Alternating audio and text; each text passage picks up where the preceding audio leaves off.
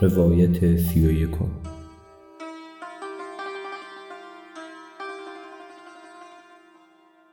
عالمان دلشوره داشتند از ملاقات با خدا.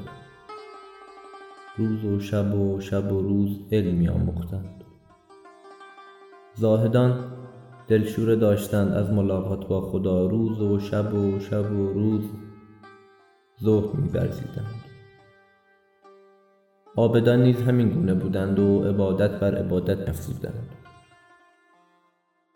جوانمرد اما دلشوره نداشت. ذوق داشت و شوق داشت.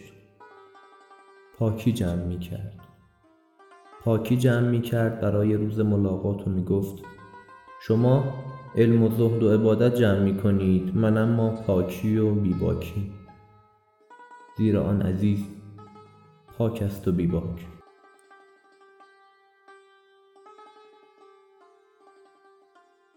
قرن هاست که عالمان و زاهدان و عابدان و جوانمردان می آیند و می روند و ما همچنان نگاه می کنیم و نمی دانیم برای آن عزیز کدام عزیزتر است.